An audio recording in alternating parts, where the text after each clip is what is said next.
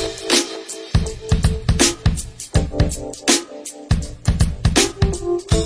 you.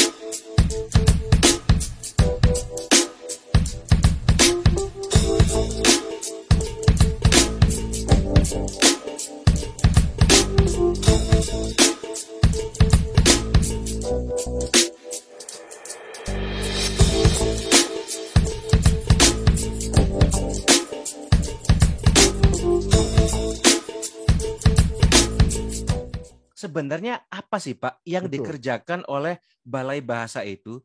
Kasarnya apa ya? Tupoksinya apa Pak gitu? Tugasnya dari Balai Bahasa itu apa Pak? tiga kata besar sebagai payung balai bahasa, yakni pengembangan bahasa dan sastra, kedua pembinaan, dan ketiga adalah um, pelindungan. Ini kata yang tiga-tiganya bersepupu sebenarnya. Hmm. Pengembangan itu misalnya terkait dengan bagaimana um, sastra dan cetak menjadi pertunjukan atau industri dan sebagainya. Ini terkait dengan pengembangan. Oke. Sedangkan pelindungan itu bagaimana misalnya bahasa dan sastra daerah kita, kita jaga, kita lestarikan, kita susun kamusnya supaya untuk bahasa, supaya tidak punah dan sebagainya itu ma- terma- masuk dalam program pelindungan. Sedangkan pembinaan ini lebih pada bahasa negara, bagaimana kemudian masyarakat uh, menggunakan bahasa Indonesia, mencintai bahasa Indonesia, Mhm. dan mengutamakan bahasa Indonesia, ini perkara yang tidak mudah di negara berkembang karena antara sikap untuk menj- menjadi moderat modern Mhm. dengan bahasa sebagai kedaulatan negara.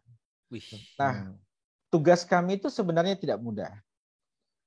Katakanlah contoh sederhana pada pembinaan bahasa Indonesia yang mungkin sebagian orang mengatakan ngapain sih harus ada instansi yang ngurusin bahasa Indonesia. Betul Bapak. Padahal justru bahasa yang digunakannya sangat baik karena ada lembaga itu. Ya, ya. Andai kata tidak ada balai bahasa, akan seperti apa bahasa kita? Sesuka-sukanya orang ya Pak ya. gitu. Suka-sukanya orang akan terjadi kekacauan. Saya tidak yakin perguruan tinggi bisa mengawal dan baik. Ah, oke. Ya. baik baik. Katakanlah contoh sederhana misalnya. Pada Hmm. tahun 2019, Forum Guru Besar Republik Indonesia Mhm. yang be- berkumpul di Surabaya dan berencana mengajukan bahasa Melayu sebagai bahasa internasional. Bukankah itu sebuah kecelakaan? Wah. Oh iya benar ya. benar benar. Ha, ha, ha. Iya Pak, betul. Itu tahun 2019, para profesor kita, forum guru besar. Forum itu bukan dihadiri oleh profesor muda, yang saya Hmm. tahu adalah para profesor senior. Mengajukan bahasa Melayu sebagai bahasa internasional di Surabaya. Oh, di itu Surabaya benar. bahkan. Benar sebuah kecelakaan berpikir. Hmm, hmm, hmm, Mohon maaf kalau saya harus katakan itu. hmm, Karena hmm. kita bertahun-tahun dalam dalam upaya internasionalisasi bahasa Indonesia. Iya, betul Pak, betul. dan bahasa Indonesia yang memang berasal dari bahasa Melayu di negaranya Hmm. sendiri di Malaysia misalnya sedang bertarung, sedang membangkitkan nasionalisme bahasa Melayu mereka, sedangkan Indonesia berada beberapa kilometer jauh di depan bahasa Melayu. Ya, Hmm. Betul Pak. Kok kok tiba-tiba ada sekelompok kaum terpelajar mengajukan bahasa Melayu sebagai Melayu. bahasa internasional? Dan eh, Wih, Berat dan itu juga ya berat. benar-benar- peran sentral, peran sentral Badan Bahasa di situ. Iya. Meluruskan Iya. hal itu. Iya. Dan kemudian waktu itu pimpinan kami di pusat sempat membangun diskusi saya harus melakukan apa. Mhm. dan pimpinan pusat kami kemudian hadir ke Surabaya untuk Hmm. mengingati para profesor itu bahwa dua istilah itu bersepupu tapi berbeda. Bahasa Melayu itu adalah bahasa yang menjadi rahim dari bahasa Indonesia, Ya. tetapi bahasa negara kita namanya adalah bahasa Indonesia, bukan bahasa, Bahasa Melayu. Melayu. Melayu. Mhm, mhm. Betul. Itu itu kata kunci luar biasa dari bahasa itu adalah kedaulatan. negara. Kedaulatan, kedaulatan. Kedaulatan, kedaulatan negara. Dan memang fungsi perlindungannya itu harus ada badan khususnya. Dan itu berarti Pak Asif ini kalau kawan-kawan belum tahu perannya sangat signifikan untuk pertama bagi kawan-kawan yang eh, memang berada di dunia penerjemahan dan dunia Oh, bahasa Iya, ini harus lebih sering berinteraksi dengan badan bahasa nih, Bray. Balai Betul. Bahasa. termasuk Betul. salah satu fungsinya yang yang saya apa masih ingat betul adalah untuk fungsi sertifikasi dan standarisasi. Karena dari Balai eh, Bahasa eh, itu Balai Bahasa berhak eh, untuk mengadakan uji PUEBI kalau tidak salah ya Pak Pak Asrif ya. Dan itu Uji PUEBI merupakan ya? UKBI, maaf, UKBI, eh, UKBI. UKBI. Nah, itu di- diselenggarakan di Balai Bahasa yang merupakan salah satu eh, layanannya. Nah, itu penting sekali, eh, Om Sony. Jadi ketika seseorang sudah menasbihkan diri menjadi seorang pekerja bahasa, apa pun itu, saya rasa baik penulis, novelis, terutama penerjemah atau juru bahasa, saya rasa memiliki Iya, iya. eh, memiliki sertifikat UKBI itu sifatnya sangat wajib walaupun saya sendiri belum tapi tapi tapi lebih lebih karena eh, mungkin pada saat itu saya merasa masih agak sedikit ribet sebenarnya Pak untuk untuk eh, apa untuk UKBI itu jadi mungkin eh, Pak Asir mungkin dapat bercerita sedikit Bapak tentang eh, UKBI ini Pak UKBI ini. Betul Pak, betul Pak. Saya jadi tertarik ini. harus Bray Ah, ini Mas Sony dan Mas Dewa, Mhm. semua negara memiliki alat ukur tentang bahasa negara mereka masing-masing. Oke. Dan Indonesia pun juga harus berdiri setara dengan bangsa-bangsa lain itu. Oleh karena itu, kemudian Indonesia memiliki alat ukur kompetensi berbahasa Indonesia yang namanya UKBI, Uji Kemahiran Berbahasa Indonesia. Hmm, oke. Ya, negara lain juga punya, ya Indonesia juga harus punya lah gitu. Mhm. Tetapi ini bukan untuk kuat-kuatan, tetapi bahwa Indonesia pun juga harus memiliki alat ukur untuk orang tahu kompetensi berbahasanya. Kualifikasi bahwa standar kemampuan berbahasa saya berada pada level yang mana, Indonesia pun juga harus punya. Maka kemudian Badan Bahasa melahirkan ya kalau bahasa Inggris dia yang eh, kemudian test to fail itu, ya ya maka. Indonesia namanya adalah UKBI, Uji Kemahiran Berbahasa Indonesia. Nah, itu dari tahun 2003. Tetapi UKB ini dalam sejarah dan perkembangannya dulu itu masih menggunakan uh, tes kertas ya jangan nama juga masih Iya, iya, iya. industri 2.0 atau apalah waktu itu. Ya kayak ujian Eptanas, kalau 100 Hmm. soal semuanya harus menjawab 100 soal walaupun mungkin soal ke-50 sudah bingung ya karena pada tahun 2021 awal, kemudian kementerian mengubah UKBI konvensional menjadi UKBI adaptif merdeka. Yang mana Merdeka. orang tidak harus lagi ke balai bahasa, tetapi dapat mengikuti melaksanakan tes itu dari rumah, nah dari ini tengah penting. laut, kalau Penting. internet, Iya, Ah, bener, bener, penting ini penting ini. Iya, dari tengah gunung, yang penting ada internetnya, yang Mhm. penting bawa laptop, kalau pakai HP juga boleh, cuman nanti tulisannya akan terlihat kecil. Iya, nyiksa diri Um, sendiri kalau ujian lewat HP. Ya, nanti sendiri. Dan soalnya pun juga tidak lagi seperti yang konvensional yang harus 100 nomor jawab. Ah, Dia baik. seperti sistem permainan. Kalau level Wah. 1 sanggup, dia akan naik ke naik ke level, level 2. 2. Oh gitu. Tapi kalau level Berjenjang, 1-nya berjenjang. Hmm. sudah nggak bisa, dia akan stop dan dihentikan oleh sistem. Oh, wow. Gamification, Bray. Gamifikasi. Heeh. Hmm. Jadi itulah UKB adaptif. Kenapa disebut adaptif? Karena dapat dilakukan dari mana pun, oleh siapa pun, tidak harus lagi datang ke balai bahasa provinsi atau ke seluruh balai, tetapi dapat dilakukan di mana pun. Itulah disebut sebagai adaptif dan merdeka. Ya bisa memilih saya maunya jam berapa, tergantung saya lah. Karena semua berbasis mesin yang bekerja. Ah. Oh, Dan Mantap. itu mau aktif, Pak. Semua orang bisa mengakses, Pak. Semua orang bisa mengakses. Iya, alamatnya apa, Pak? Saya mau akses nih. Ah di eh, itu bisa ketik UKBI Kemdikbud. Ah, oke. Kemendikbud. Oh, Dan jadi itu- tidak perlu mendaftar ke apa petugas gitu ya, Pak ya? Sudah nggak lagi ke Balai Bahasa Jawa Timur. Semuanya berbasis langsung ke pusat. Wah, Pak. ini mantap ini. heeh. Bayarnya berapa, Pak? Iya, karena ini PNBP, setahu saya Hmm. kalau eh, mahasiswa itu 135.000, kalau umum 300.000, Oh. masih sangat jauh dibandingkan eh, TOEFL, Pak. mas- TOEFL mah 3 eh, juta. Betul, masih jauh, Mm-mm. masih jauh. Sedangkan Mm-mm. untuk orang asing satu juta, untuk orang asing satu juta. Ah, ya, betul, betul, betul. Itu Dan penting. Dan itu tidak ke Balai Bahasa, tapi langsung ke Kementerian Keuangan kalau tidak salah. Wah, Oh, kita berkontribusi Pak, ke ya? Transfernya negara. ya. Iya. pembayaran. Ya, skemanya Bray maksudnya Iya, langsung langsung ke Iya, Tapi dan- itu sangat harga yang sangat murah loh sebenarnya itu. Betul. Itu sangat murah Oh. karena kalau kita tahu bahwa pemegang sertifikat itu nanti akan menjadi pengguna bahasa yang andal ya, Bra ya.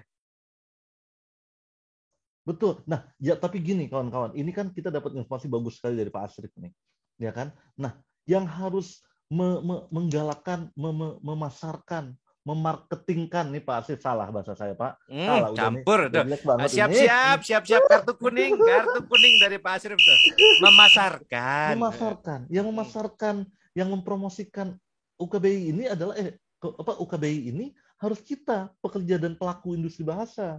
Kita tuh kalau misalnya nih, kawan-kawan kan pasti kalau mau ke klien nih, kalau mau pitching, Pak, saya Sony, pengalaman sekian, ini tes TOEFL saya, ini tes IELTS saya, ini tes UKBI, UKBI saya dipakai saya. juga, pakai saya harus. juga. Hmm, Jadi itu kita sandingkan, kawan-kawan kalau kita sandingkan TOEFL, UKBI sama IELTS, dan kita itu secara bangga mengumumkan, Pak, UKBI saya bagus nih, gitu. itu berarti klien akan tahu bahwa oh berbahasa Indonesia pun ada standarnya. ah Itu. betul betul Itu betul kan. betul Jangan mentang-mentang lahir di Indonesia atau pasti apa namanya berhak menjadi eh, profesional industri bahasa yang itu yang yang dapat diandalkan oleh klien. Hmm, hmm.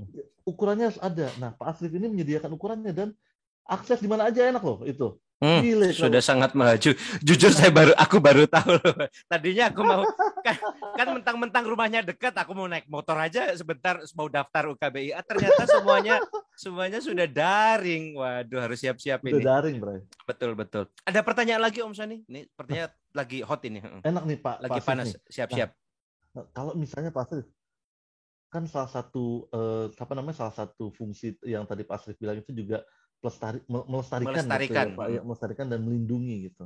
Nah, eh, untuk kan sekarang kita eh, pasti pasti tahu kan generasi generasi instan, generasi yang tidak pernah lepas dari layar HP gitu kan, yang yang juga sangat apa namanya sangat bisa sangat cepat mengikuti tren yang berubah. Nah, bagaimana program-program dari Balai Bahasa nih Pak yang yang bisa menjaring generasi muda untuk lebih cinta bahasa gitu Pak?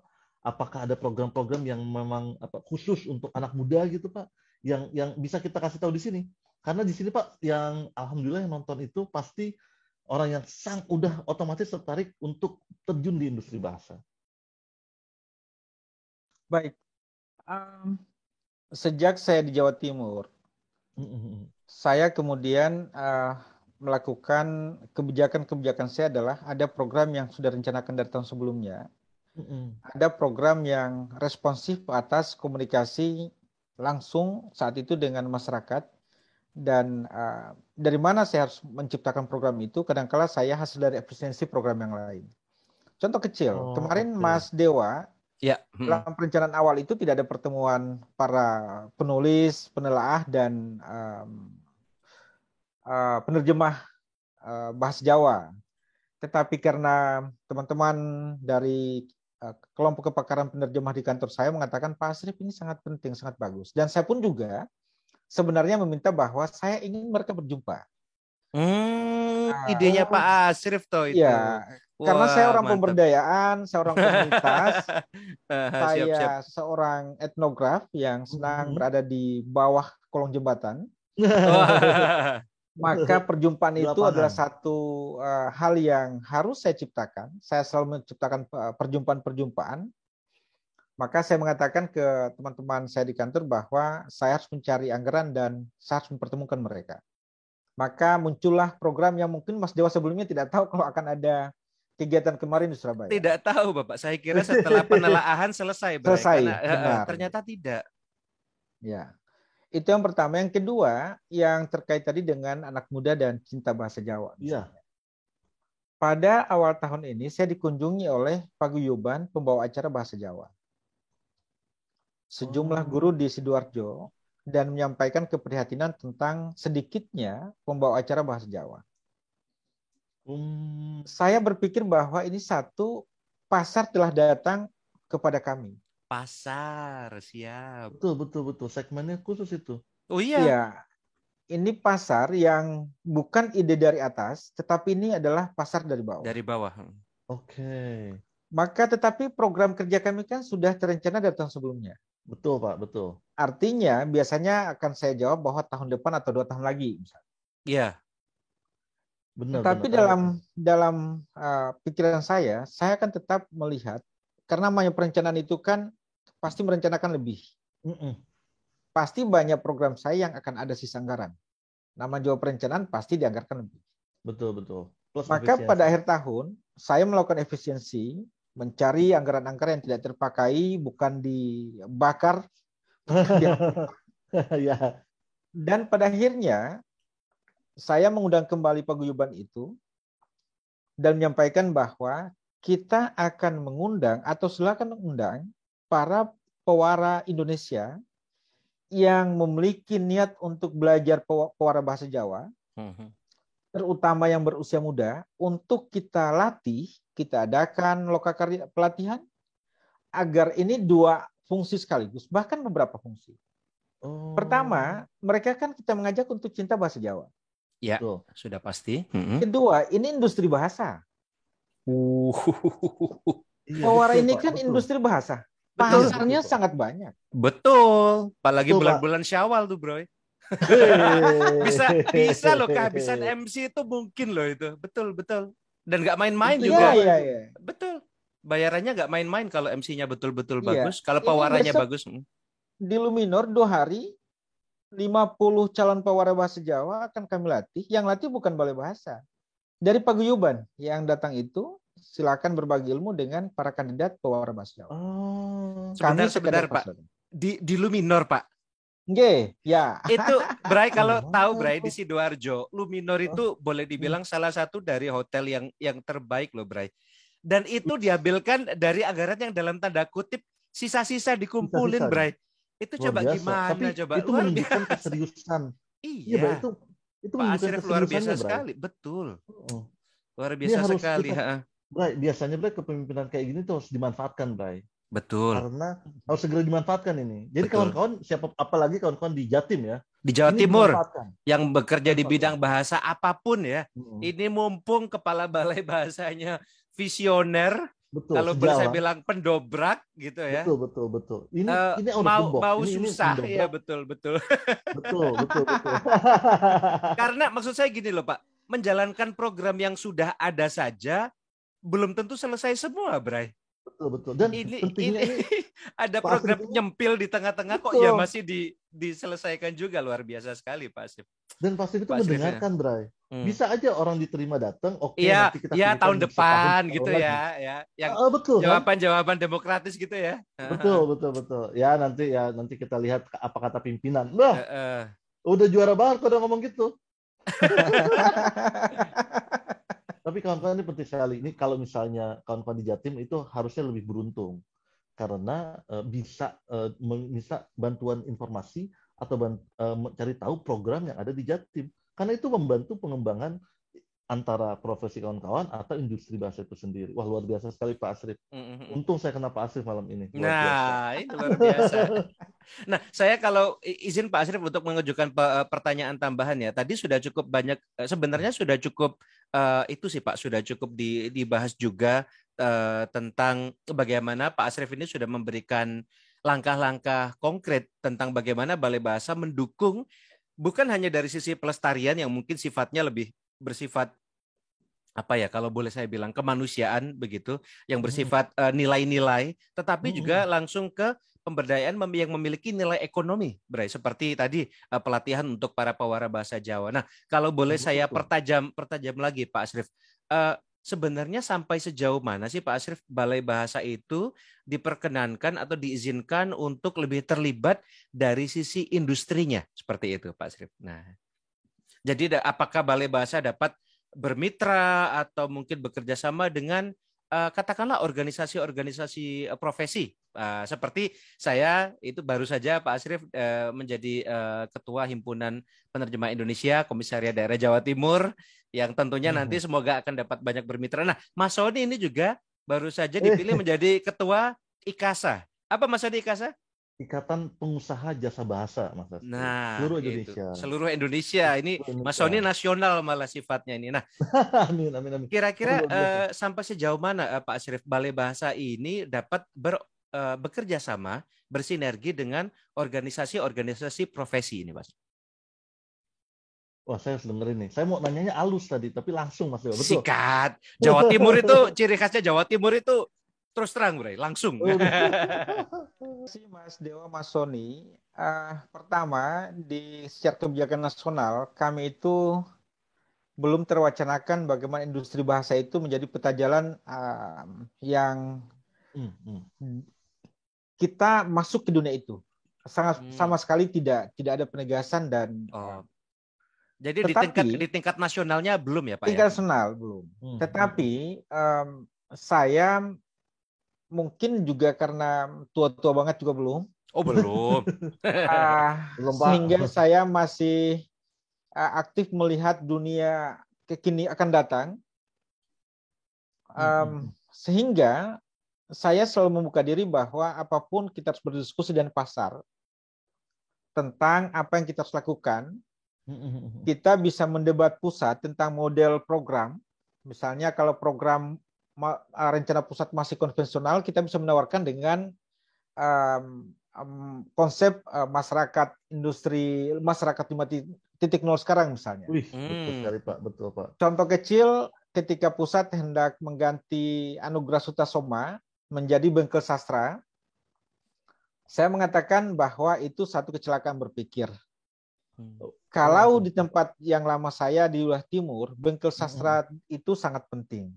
Tetapi Betul. Jawa Timur itu sudah final, yang harus dilakukan adalah seperti festival ataupun Anugerah Sutasoma. Nah, itu perbedaan-perbedaan cara saya mengelola program bahwa misalnya adalah terkait dengan industri jasa bahasa. Ah saya sangat terbuka masukan dari masyarakat yang kemudian saya akan cocokkan mencari benang merahnya dengan program nasional. Kira-kira ini akan masuk pada wilayah yang mana? Jadi Hmm, saya tidak akan hadir dengan wajah konvensional, tetapi akan hadir dengan wajah kekinian yang tidak menyalahi rambu-rambu nasional. Ah. Nah, itu penting, Pak. Karena dari industri, kita kadang tidak tahu itu, Pak. Karena memang kita itu ingin sekali bekerja sama dan ingin sekali memang eh, berinteraksi dengan eh, pihak pemerintah. Jadi kawan-kawan di, kalau saya boleh cerita sedikit, kawan-kawan di organisasi eh, IKASA ini, Pak, adalah kawan-kawan pemilik eh, pemilik agensi bahasa. Jadi orang yang memang eh, terdaftar CVPT, membayar pajak untuk pemerintah Indonesia. Jadi memang kita mengakui kita berusaha di Indonesia dan kita berkontribusi gitu. Dan kita ingin sekali pajak sudah Pak, kita ingin sekali berkontribusi di industrinya gitu. Gitu kan. Kita kan sudah mengambil uang nih Pak, maksudnya alhamdulillah menghasilkan uang gitu ya. Kita juga ingin mengembalikan gitu. Maksudnya mengembangkan kembali industrinya menjadi lebih besar gitu agar lebih banyak orang menerima manfaatnya. Nah, kadang kita nggak tahu mau ke mana. Jadi kita istilahnya kalau Betawi itu Pak seturuan doang gitu seturuan aja gitu, seturuan aja. Jadi itu ah, besok ngapain? Oh kita ke sini gitu. Nah kalau memang ada peluangnya dan memang kita boleh eh, bekerja sama itu akan menjadi eh, apa namanya sinergi yang memang sejalan dan tujuannya sama gitu. Itu menarik sekali Pak mendengar kalimat Bapak itu. Kita tahu Pak bahwa memang saat ini belum ada peta jalannya di nasional. Tapi mendengar kalimat Bapak yang memang eh, setidaknya ada orang di pemerintahan yang memang siap untuk membuka dialog itu penting Pak. Membuka aja. Kita senang banget Pak untuk ngobrol aja itu kita seneng banget karena memang kita tidak tahu kita pu- tidak punya teman tukar pikiran gitu kita selalu melihat dari sektor industrinya dan kadang kita butuh counterpart untuk berbicara kan apa sih yang belum kita lakukan untuk bisa membuat lebih besar gitu karena kalau besar kan yang menerima manfaatnya lebih banyak gitu pak ini benar kata-kata bapak tuh sangat eh, mengademkan hati itu berapa Pak? meneduh, Wah, meneduhkan kayak bisa, Meneduhkan. menyejukkan, Menyejukkan mengademkan. Oke, eh, eh, dikat, dikat, bagiannya dikat. dikat. Oh, senang Wah. sekali Pak saya dengar sekali waktu Pak itu. Jadi Bray, apa namanya berarti Pak Asrif ini memang eh, gue mengamini kata lu Bray, visioner sekali Bray, Visioner Dan sekali. siap berdialog dan apa namanya saya sangat menantikan loh Pak program-program di Jatim yang pasti pasti akan menobrak bukan menabrak lah, menambahkan kelengkapan untuk program-program yang sudah ada gitu. Baik, Pak Asrif. Nah, Pak, sebagai pertanyaan pamungkas ini, Bapak, eh, ada dua sebenarnya, Pak. Yang pertama adalah kira-kira apalagi Pak terobosan dari Balai Bahasa Jawa Timur yang terdekat mungkin. Yang kedua adalah jika rekan-rekan para pekerja bahasa, para pecinta bahasa, para pegiat bahasa di Jawa Timur ingin lebih eh, belajar lagi atau ingin bersinergi, ingin menjadi mitra dari Balai Bahasa Jatim, mereka harus ke mana? Wah penting itu. Ya, silakan Pak Srif. Mas David, Mas Dewa, Mm-mm. Dewa. Em, terobosan di Balai Bahasa Jawa Timur itu tentu saya selalu em, membangun komunikasi dengan staf di dalam. Hmm. Ide-ide apa yang mereka akan sampaikan kepada saya. Eh, Hmm. Contoh kecil di awal tahun kemarin itu ada dua kelompok yang datang kantor, MGMP Bahasa Indonesia Hmm. dan Paguyuban Bahasa Jawa. MGP Bahasa Indonesia kemudian kami respon dari tanggal em, 8 hari kemarin sampai tadi penutupan, mereka Mhm. minta eh, penyuluhan bahasa Indonesia 32 jam. Oh, oh, wow. oke. Ini minta kami laksanakan akhir baru tadi penutupan. Hmm. Hanya dengan modal 5 juta kami melatih 80 guru Wah, dari mana pun. Wow. wow. Itu adalah modelnya daring karena guru memiliki kesibukan yang luar biasa di sekolah. Hmm. Ya, heeh. Maka mereka menawarkan kami maunya Pak Asrif jangan bersemuka, kami bersemaya. Oke, boleh. Oh, oke, oke, oke. Dan hari ini eh, minggu kemarin Balai Bahasa itu menciptakan sejarah pertama kali melaksanakan penyuluhan daring. Yang kemudian ini berkem- baru tadi penutupan dan saya katakan kepada para penyuluh saya bahwa silakan membuat beberapa menu penyuluhan Hmm, hmm, hmm, supaya masyarakat memilih. Misalnya guru SD, kami Pak Asrif guru SD, kami mana menunya untuk kami bisa pilih yang mana kami butuhkan. Untuk mungkin guru yang ingin menulis art- jurnal ilmiah, kira-kira menu apa? Untuk guru SD apa? Untuk polisi kira-kira apa? Misalnya. Oh gitu Pak ya? Ada Pak? Untuk umum gitu ada ya? Nah, ini yang sedang saya bangun uh, menu-menu ini Oh, untuk konsep tersurat dinas misalnya birokrasi pemerintahan, kira-kira menu apa nih yang dapat kami sajikan nih? Oh, Wah, oke, oke, oke. Penting itu, Pak. Karena kadang Penting itu, bahasanya agak gimana gitu ya, Bray. Untuk para untuk para penerjemah misalnya, Nah, ini nih. bahasa asingnya bagus.